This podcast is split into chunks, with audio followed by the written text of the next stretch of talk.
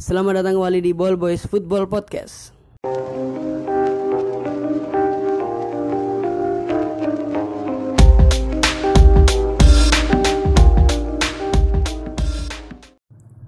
Kembali lagi dengan saya uh, Erdiansa Perdana yang ditemani oleh sang panit sebat setelah dua minggu dua pekan tidak siaran kali ini siaran lagi akhirnya uh, kita akan membahas tentang tentang apa nih kira-kira runtuhnya Liverpool di Premier League, di FA Cup dan di Liga Champions. Perlu diketahui itu adalah tiga kali kekalahan beruntun yang dialami Liverpool.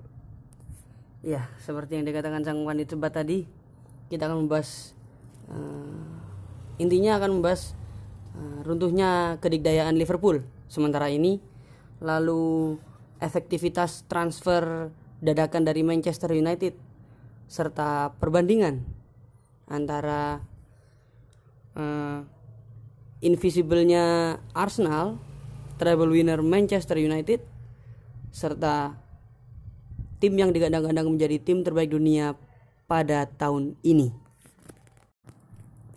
Serta kita akan membahas tentang El Clasico ya, Mas Sobat. Yang paling membosankan menurut saya. Hmm, El Clasico yang digadang-gadang menjadi El Clasico, laga yang paling membosankan di antara laga-laga El Clasico yang lain pembahasan pertama tentang runtuhnya Liverpool di UEFA Champions League, eh, FA Cup serta Premier League yang diawali dengan uh, suksesnya strategi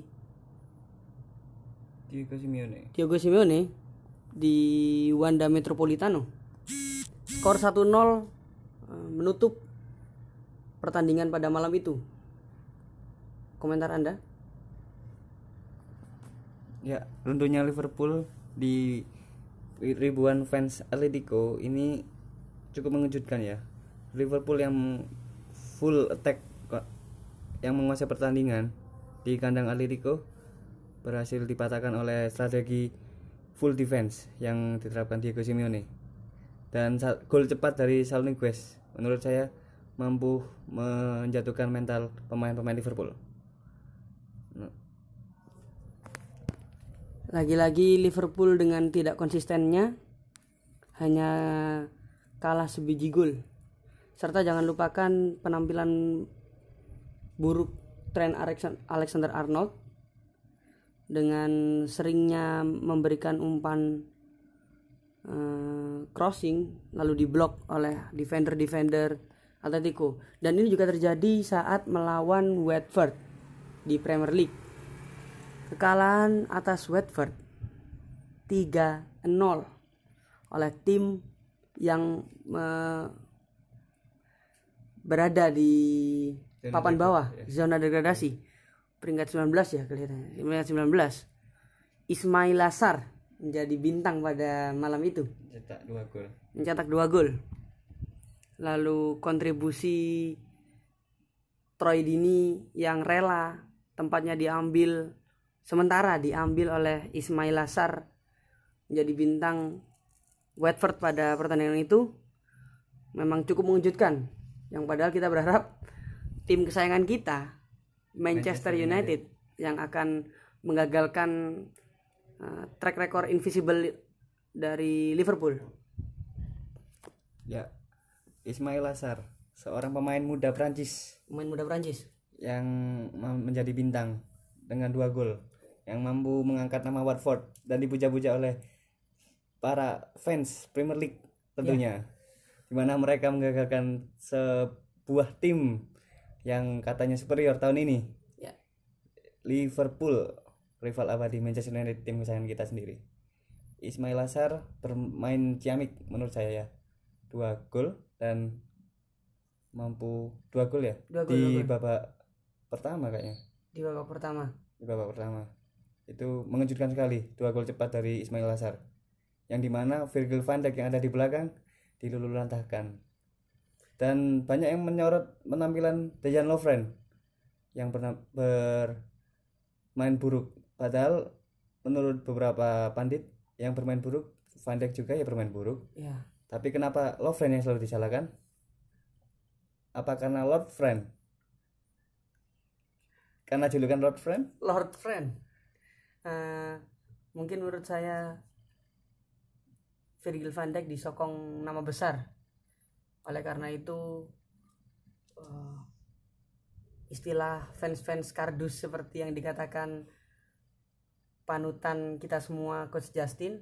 Fans kardus hanya melihat bahwa seorang Dejan Lovren melakukan kesalahan-kesalahan-kesalahan padahal tidak menutup kemungkinan Virgil van Dijk juga melakukan kesalahan. Buktinya di pertandingan melawan Watford kalau kalau melihat pertandingan secara langsung ya memang Van Dijk yang melakukan kesalahan. Mak- maksudnya lebih sering Van Dijk Iya. daripada Dejan Lovren dan faktanya dari tiga pertandingan kekalahan Liverpool trio mereka tidak berhasil mencetak gol sama sekali.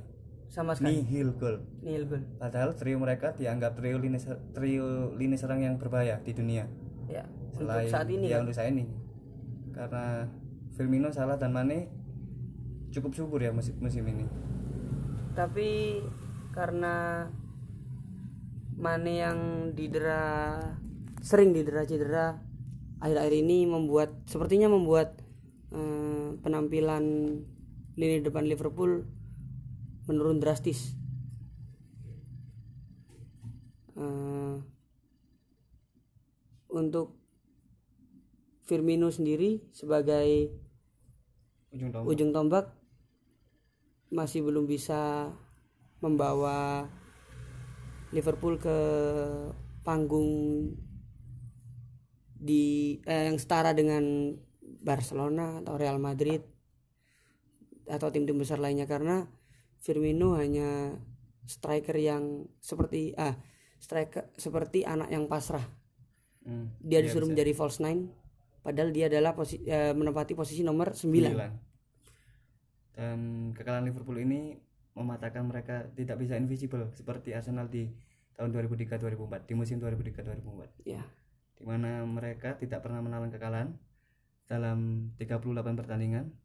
26 menang dan 12 seri menutup musim Arsenal mendapatkan Golden Trophy Premier League. Hanya, hanya satu-satunya tim Premier League yang berhasil meraih Invisible dan meraih Golden Trophy Premier League adalah Arsenal yang ditukangi oleh Arsene Wenger. Ya 73 memasukkan gol dan juga 26 kali kemasukan adalah eh, catatan yang pak yang baik superior menurut saya pada waktu itu karena eh, mencetak gol sangat banyak dan kebobolan sangat sedikit. Iya. dihuni pemain-pemain seperti Robert Pires, Teori Thierry Henry, dan lalu Dennis Bergkamp. Dennis Bergkamp masih ada waktu itu. Dan di mana ini Thierry Henry berhasil menjadi top skor pada musim itu juga. Top skor top skor ya? Dan eh, kesulitan pemain Arsenal dilihat dari tahun sebelumnya juga meraih juara dan invisible di tahun berikutnya Hmm. tahun 2003-2004 berarti back to back dan di tahun kedua dia meraih invisible. Iya. Sangat mengagumkan. 90 poin diraih sangat superior. Di, di posisi kedua tidak biasa Eh, posisi tim posisi kedua Premier Premier League Chelsea. sampai berselisih 11 poin. 11 poin. Sangat-sangat tidak biasa. Ini bangkitnya Chelsea ketika Roman Abramovich baru membeli Chelsea nampaknya. Oh, Iya. 2003 2004 ya? ya Roman Abramovich membeli Chelsea dan memberi beberapa bintang. Ya beberapa bintang. Dan membuat mereka mengejutkan bisa menyalip MU di peringkat kedua. Bersaing ketat dengan Manchester United di posisi kedua di posisi ketiga. Lalu eh, ada hal yang harus digarisbawahi juga bahwa Liverpool tidak bisa meraih eh, mimpi indah seperti Manchester United di tahun 1999 di mana mereka meraih treble di musim itu juga satu Champions League satu UEFA satu FA Cup dan satu Premier League menutup musim indah Manchester United pada musim itu dan membuat fans Manchester United bergembira karena Liverpool tidak berhasil lolos ke babak selanjutnya di FA Cup dengan kalah 2-0 melawan Chelsea. lalu eh, juga Manchester United waktu itu juga sempat dihujani mimpi buruk di awal di awal laga maksudnya di Oh, di awal laga Champions League eh, final Champions League melawan Bayern Munich dengan gol cepat dari Bayern Munich. Ya, menunggu cukup lama sampai akhirnya di babak injury time. injury time. Dua gol oleh Gunnar Solskjaer. Serta Teddy Sheringham. Dari Sheringham. Yang Wah, bisa ya, mengunci ya. kemenangan Manchester United ya. Ya. Sangat indah sekali waktu itu melihat eh, Sang kapten Roy Keane. ya Roy Keane. Roy Keane yang mengangkat si kuping besar Champions League. Yang di mana Jordan Henderson tidak akan mengangkat Champions League tahun ini karena dipastikan gagal dengan cederanya Alisson Becker. Hmm, betul. Di leg kedua mungkin mungkin meskipun main di Anfield mereka akan kesulitan karena kiper utama mereka cedera. Untuk Itu kelihatan eh, saya ingat Jordan Henderson juga didera cedera, Jordan Henderson dikira cedera. Tapi kurang tahu untuk dia bisa bermain di Champions League. Tapi Champions yang League atau tidak. diragukan pasti Alisson Becker Alisson tidak Becker. bisa tampil. Karena kita siaran di saat eh, berbarengan dengan mainnya Liverpool melawan Bournemouth ya. ya. Nah, lalu eh, kita masih menunggu apakah Bournemouth akan menjadi tim kedua yang akan eh, menumbangkan Liverpool di jalur juara. Biasanya di akhir-akhir ini tim seperti Liverpool cashback point biasanya. dan eh, menyerahkan eh, jalan tol mereka ke Manchester City mungkin kita berharap seperti itu tapi itu mungkin tidak mungkin lah. Who knows who knows who knows. Dengan jarak yang cukup jauh itu mustahil lah buat Manchester City bisa menang di musim ini. Ya tapi Manchester City eh, di momen ini eh, Manchester City itu eh, positif sekali karena kemarin meskipun sedikit ngos-ngosan melawan Sheffield Wednesday di FA Cup tapi auranya kemungkinan positif karena eh, melihat saingan mereka Liverpool yang lontang-lantung di tiga laga. di tiga laga terakhirnya tanpa mencetak gol tanpa mencetak gol. Terbobol berapa gol? Satu gol dari Atletico Madrid tiga gol. dari Watford. Dan dua dari Chelsea. Dua dari Chelsea ah. Enam gol Saat pertandingan Chelsea melawan Liverpool Liverpool, pun. di FA menurut anda? Ini cukup mengejutkan ya. Chelsea yang kurang konsisten juga ya dalam di asuhan Frank Lampard juga menelan kekalahan sebelumnya. Melawan? Melawan apa ya? Chelsea. Kalau nggak salah itu di ajang Premier League. Ah Bournemouth seri oh ya seri seri lawan Bournemouth dengan sama. gol penyama kedudukan di akhir laga Marcos oleh Alonso Marcos Alonso.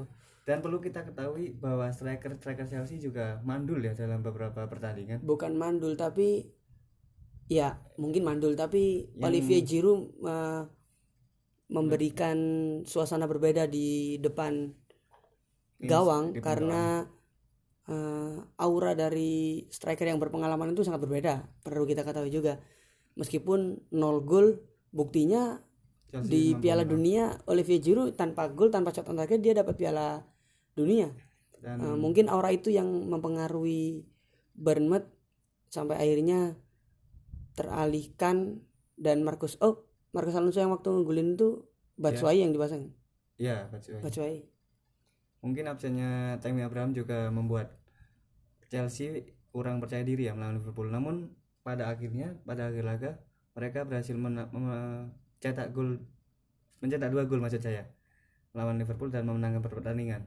Dari gol Ross Barkley dan Marcus Alonso juga? Marcos Alonso lagi-lagi Marcus Alonso lagi-lagi Marcus Alonso. Penyelamat Chelsea ya. Nah, meskipun di awal laga eh di awal eh, liga di awal season ini Marcos Frank Lampard tidak Lampard. eh, mempercayakan posisi Back kiri kepada Emerson. Emerson. Meskipun akhirnya eh, Lampard setelah dirukia akhirnya dia sadar dan taubat.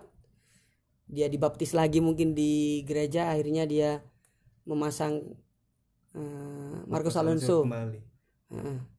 karena Marcos Alonso pada musim-musim yang kemarin selalu menjadi pilihan utama dari bag apa maupun Antonio Conte dan Mauricio Sarri. Dia selalu menjadi pilihan utama. Karena memang Marcos Alonso di samping dia bertahan baik eh, dia eh, sering overlap yang eh, memberikan ancaman-ancaman di sisi kiri sisi kanan pertahanan lawan saya maaf sisi kanan pertahanan lawan saat dia melakukan overlap. Ya, umpan-umpannya juga cukup membuat jantung berdebar-debar karena memang eh, biasanya langsung mengarah ke apalagi yang menerima seperti striker-striker seperti Olivier Giroud. Striker-striker jangkung ya? Iya. Dan Demi Gitu. Abraham. Temi Abraham masih cedera jadi Olivier Giroud yang menjadi pilihan utama. Mau tidak mau eh, Michi Batshuayi juga menjadi eh, pilihan yang sedikit meragukan karena Michi Batshuayi sedikit eh, permainannya memang sedikit. Menurun gimana ya? Ngegolin enggak. Cuman mainnya emang kadang-kadang agak nakut-nakutin. Ya, cuman berbahaya. ngegolin eh, memberikan ancaman itu nggak terlalu sih. Nggak terlalu seperti Olivier Giroud. Mungkin yang perlu disoroti juga laga melawan Chelsea mereka juga bermain bertahan yang diterapkan oleh Watford dan Atletico Madrid sebelumnya melawan Liverpool Ah. dan itu efektif hampir-hampir sama emang Iya, di mana 11 pemain berada di sisi lapangan mereka sendiri dan melakukan counter attack. Ah. Mungkin itu kelemahan Liverpool. Counter attack, di mana Virgil van Dijk mungkin tidak bisa mengimbangi permainan cepat dari sayap-sayap. bisa lawan. dicoba bisa dicoba tapi eh, kita lihat lagi saat melawan Chelsea eh, memang tidak sedikit pemain dari Liverpool yang tidak dimainkan. Seperti contohnya Trent Alexander-Arnold tidak dimainkan tidak ada di bangku cadangan. Ya. Eh, saya kalau saya tidak salah ingat lalu eh, Jordan Henderson dia cedera. Siapa lagi ya? Muhammad Salah dia dimainkan di babak kedua mana mereka menggunakan lapis keduanya ya. Iya. Takumi Minamino di- dimainkan di depan bersama Sa- Sadio Mane kalau nggak salah itu. Iya sama Sadio Mane.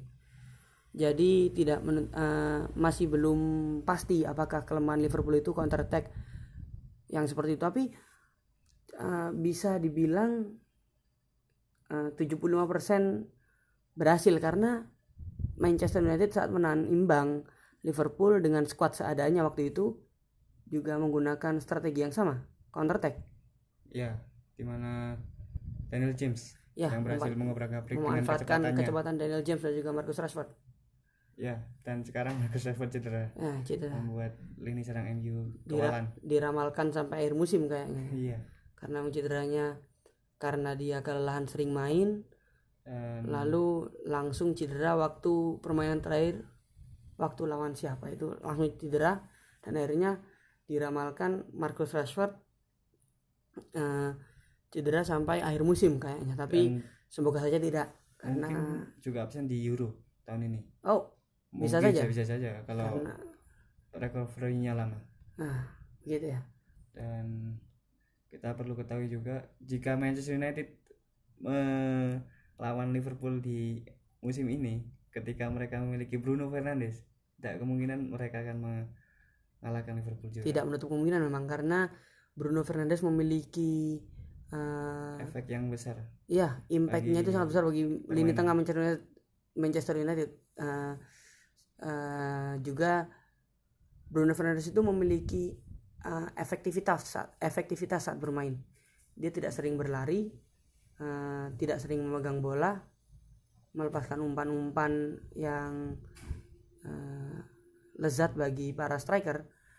Meskipun eh, kadang umpannya itu eh, sedikit lemah tapi jarang-jarang masih. Karena kan memang masih berapa pertandingan? 6, 6 atau 5 pertandingan? 4 4 Iya, pertandingan empat, 6 ya sekitar itulah. Masih sedikit pertandingan. Jadi tidak langsung bisa ngejudge jelek atau bagusnya Bruno Fernandes. Tapi kita lihat uh, kita langsung melompat ke pembahasan efektivitas transfer Manchester United. Kita akan setelah membahas sedikit tentang Bruno Fernandes yang uh, sudah jelas pasti dia itu berkelas. Iya. kali ini kita akan membahas sang Transfer- striker. sang striker.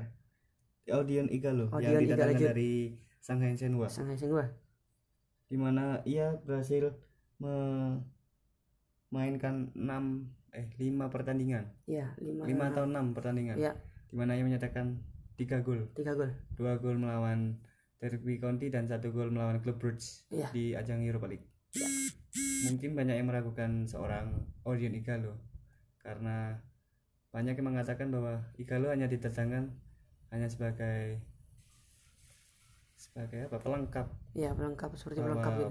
striker Manchester United bahwa Manchester United kekurangan striker. Hmm.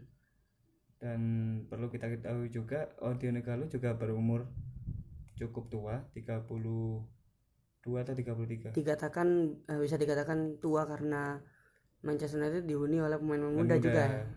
Tetapi ke pengalaman yang dimiliki Odion Igalo memiliki peran penting di mana skuad muda Ya, ya. Manchester United harus ada orang yang berpengalaman di depan. Hmm.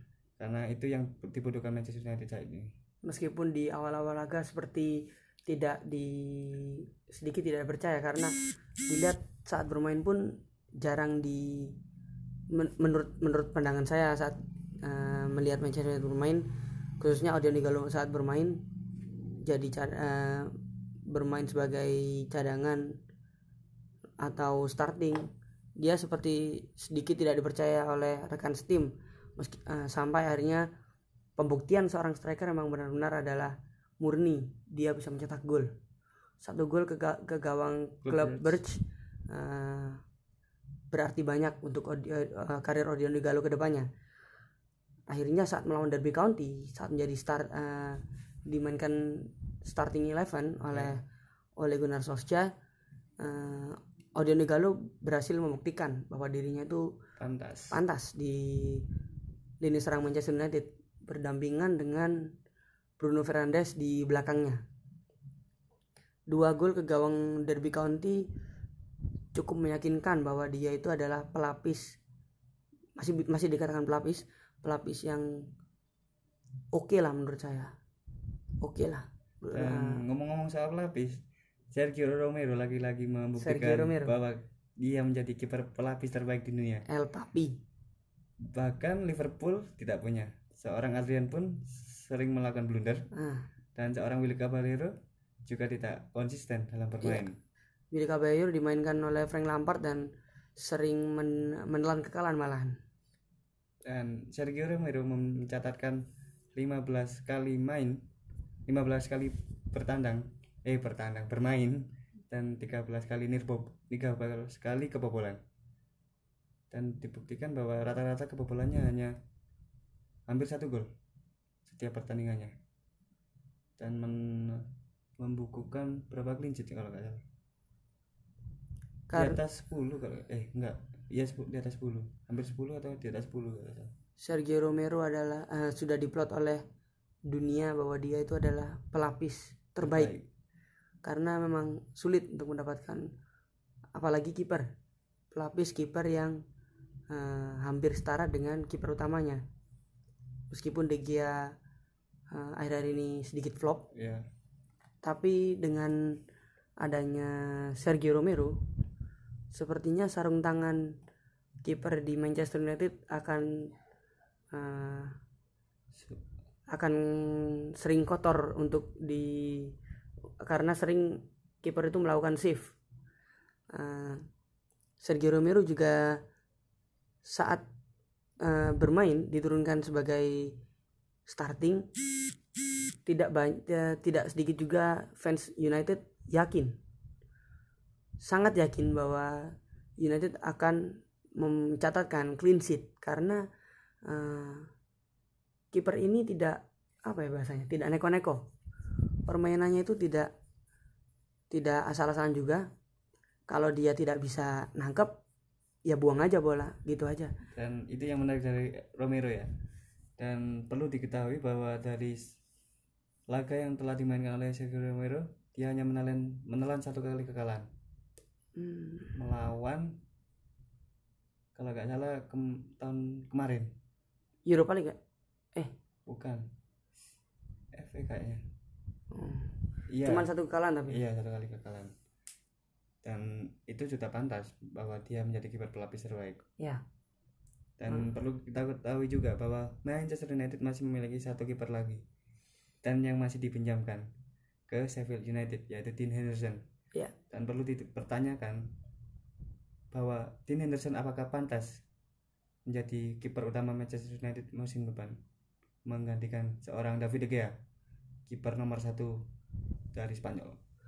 Eh, digadang-gadang Dean Henderson eh, mau ke Manchester United asal asal dia mendapat tempat utama.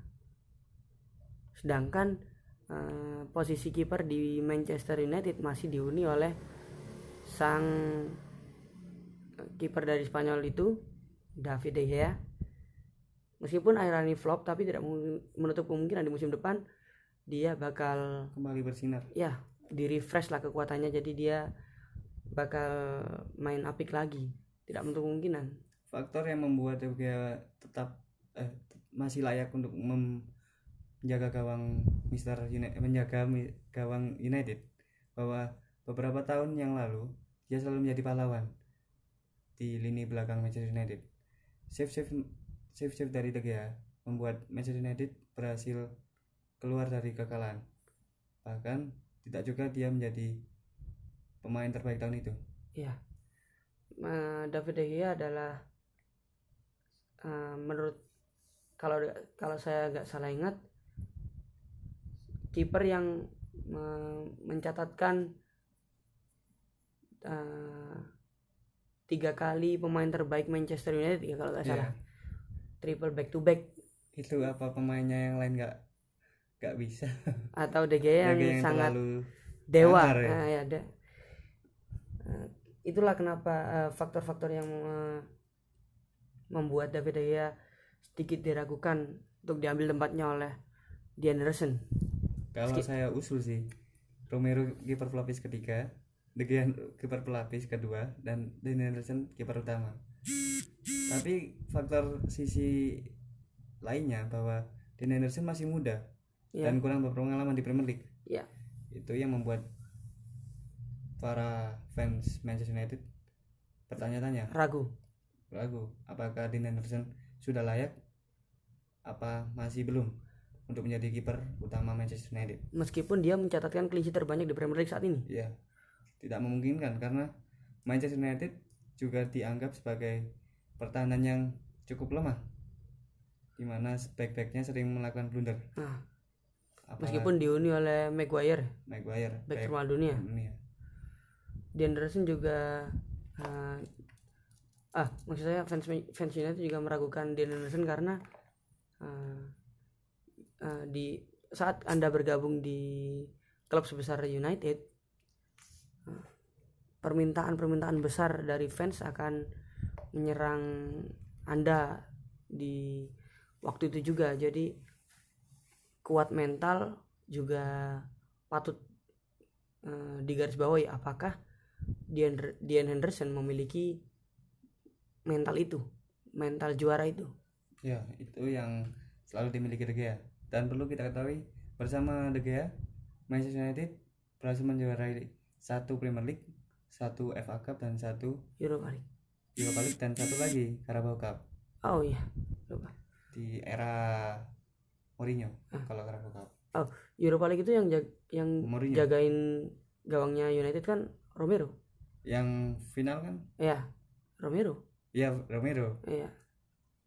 Tapi di musim itu juga De Gea kan juga ambil juga ikut andil kan Iya. ikut andil untuk menjaga gawang United.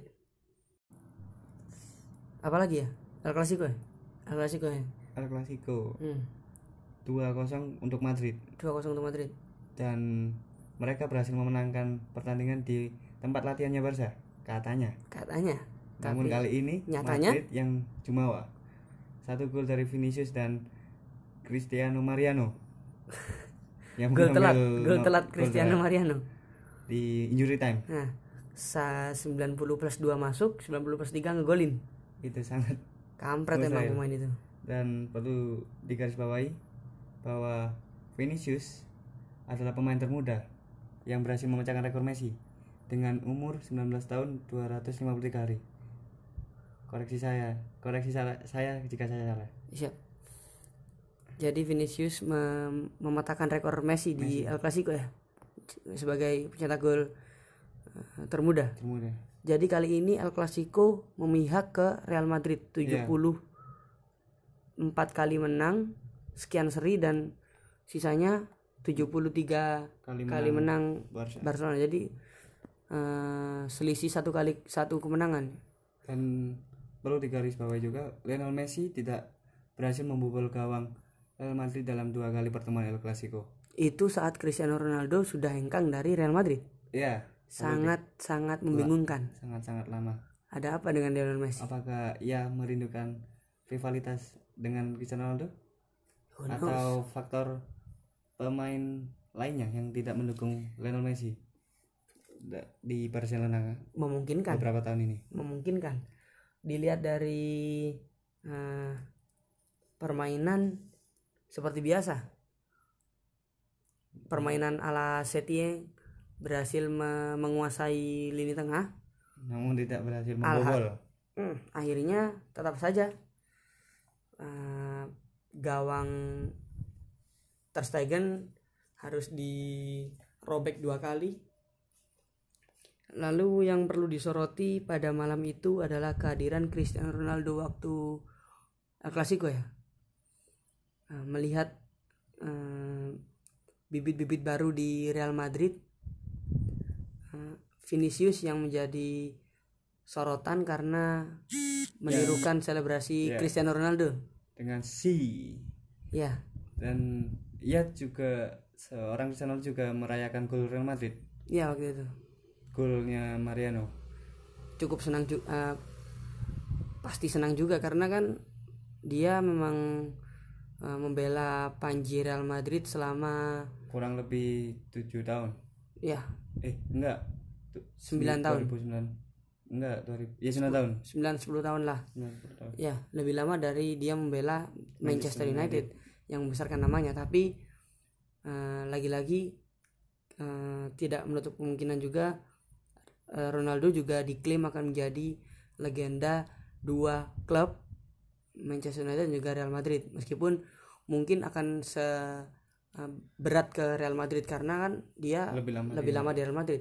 Ya kita eh, pasrah saja karena juga dengan hadirnya sosok Cristiano Ronaldo di Manchester United juga eh, menambah daya gedor juga. Cuman memang dia sepertinya lebih nyaman di Real Real Madrid Madrid. juga karena mimpinya juga bermain di Real Madrid. Oh begitu? Iya mimpinya dari dulu menjadi Real Madrid.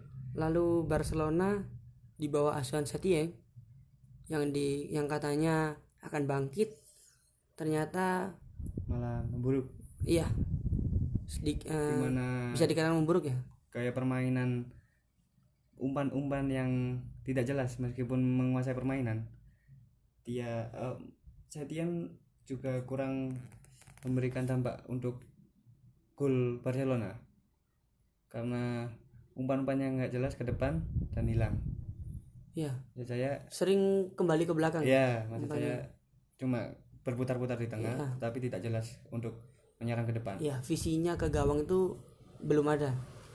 Ini juga bahwa seorang Frankie De Jong juga disorot. Permainan juga cukup buruk. Ya yang diplot sebagai pengganti seorang Xavi Hernandez tapi nyatanya dia masih belum bisa eh, belum bisa membawa Barcelona di titik itu ya. Karena memang eh, ini Barcelona loh maksudnya ini Barcelona. Jadi Frankie De Jong yang masih muda disuruh bermain di posisi tengah krusial yang biasa diisi oleh pemain-pemain eh, elit di Barcelona waktu eh, sebelum Xavi Hernandez ada Pep Guardiola yang cukup terkenal. Frank, eh, menurut saya Frankie De Jong masih belum. Bukan Iya. tidak tapi masih belum. Karena pemain muda itu tidak tidak lepas dari prospek yang mengagetkan saat dia uh, memasuki usia matang. Berkaca di penampilan pada penampilan Raheem Sterling di Liverpool lalu matang di Manchester City. Iya. mengagetkan sekali karena uh, untuk seukur uh, winger seperti Sterling bermain di Premier League saya berpikir tidak relevan karena tidak tidak tidak pantas. Karena terlalu kecil posturnya terlalu kurus juga. Tetapi di Manchester City juga. juga eh, berhasil. Jadi tidak kemungkinan juga si De Jong di Barcelona akan kita mendoakan juga eh, karir yang bagus untuk Frankie De Jong. Dan kita bisa melihat proyek transfer dari Barcelona semakin kurang jelas ya? Iya. Di mana mereka selalu sembarang sembarangan dalam memilih pemain me- membeli pemain. Contoh seperti gagalnya mereka dalam bursa transfer Filipe Coutinho Ya. dari Liverpool didatangkan dengan harga 140 juta euro namun akhirnya flop. Dan dipinjamkan ke dan dipajangkan ke Bayern Munich Hmm. dan kembali menunjukkan performanya di Bayern Munich di Bundesliga dan Osmane Dembele dibeli dengan seharga kurang lebih antara 110 sampai 130 juta. Namun akhirnya sering cedera. iya Itu membuktikan bahwa Barcelona tidak lagi mempercayai akademi mereka sendiri, Iya. La Masia. Yang dahulu mereka selalu agung-agungkan agung-agungkan, mengorbitkan pemain-pemain muda pemain muda seperti Lionel Messi, Xavi Hernandez, Busquets, Hmm. dan Andres Iniesta. Eh, lalu mungkin mungkin itu karena orbitan di eh, awal 2010-an seperti Boyan Kerkik Ya, lalu Adama Traore juga Terus- Munir El Haddadi ya itu juga mungkin berkaca dari itu Barcelona masih eh, kayaknya takut untuk mempercayai akademi mereka sendiri. Tapi eh, buktinya dia eh, eh, mereka akhirnya mendapatkan seorang Ansu Fati Ansu Mane Ansu Fati. Fati. Ansu Fati yang meskipun ti- eh, belum bisa setara pemain-pemain bintang lainnya karena masih muda juga kan. 16 tahun 16 debut di Barcelona. pemain termuda. Mematahkan lagi-lagi Lionel Messi. Jadi Iya. pemain termuda. Mungkin beban dari nama seorang Lionel Messi menjadi acuan bahwa akademi dari Barca sendiri harus seperti Lionel Messi sendiri. Iya. Dan itu mustahil bahwa Lionel Messi juga dinobatkan sebagai pemain terbaik dalam sejarah. Lalu eh, dilihat dari apa yang kita bicarakan tadi apakah Barcelona bakal turun tahtanya di La Liga seperti Manchester United di Premier League serta AC Milan di La Liga? Eh maksudnya di Serie A? Mungkin sulit ya. Selama masih ada Messi ia bisa menopang seluruh tim Barcelona selama ini. Mungkin setelah Messi pensiun yang perlu dipertanyakan apakah Barcelona masih jaya atau akan turun tahta seperti dua tim besar di La- di Serie A dan Premier League itu. Eh, juga dipertanyakan saat pensiunnya Lionel Messi dan Cristiano Ronaldo mungkin ya 11-12 kan Iya. mungkin dia pensiunnya umurnya juga tidak terlalu jauh bagaimana bakal seperti apa eh, persepak bolaan di seluruh dunia ini. Siapa yang menjadi kiblat selanjutnya di setelah era mereka berdua? Mungkin ini yang sangat-sangat penting ya. Maksudnya ditunggu-tunggu juga. ya sangat ditunggu-tunggu. Bahwa sepak bola akan kembali normal. Tidak akan dikuasai lagi oleh dua manusia yang sangat superior dalam kurun puluhan tahun ya, dua dekade. Dua dekade. Lionel Messi dan Cristiano Ronaldo yang menguasai pera, pe- pemen- perayaan Ballon d'Or ya di mana mereka selalu bergantian, bergantian silih berganti. berganti dalam meraih Cristiano eh Ballon d'Or di mana Messi mendapatkan 6 dan Ronaldo 5. Hmm. lalu untuk eh, pe- pemegang pemain terbaik di sepak bola sendiri mungkin jika Neymar tidak sering kontroversi dia akan menjadi pemain terbaik. Namun kita tahu sendiri Neymar seperti apa. Ya. Dan Kylian Mbappe yang digadang-gadang menjadi pemain terbaik selanjutnya. Namun usianya masih muda. Tidak mungkin dia langsung seperti Cristiano Ronaldo Messi. Perlu Ya. waktu lah. perlu waktu. Karena Kylian Mbappe juga jika cukup bisa membawa nama PSG ya. dalam perayaan juara Liga Champions Iya, karena tidak cukup meraih liga domestik juga kan. Memang eh, PSG dibilang sering eh, meraih liga domestik sejak dibeli oleh Saya anu siapa namanya dari Uni Emirat Arab itu ya oleh orang itu orang kaya itu PSG eh, mulai ugal-ugalan tuh saat eh, bermain di Ligue 1.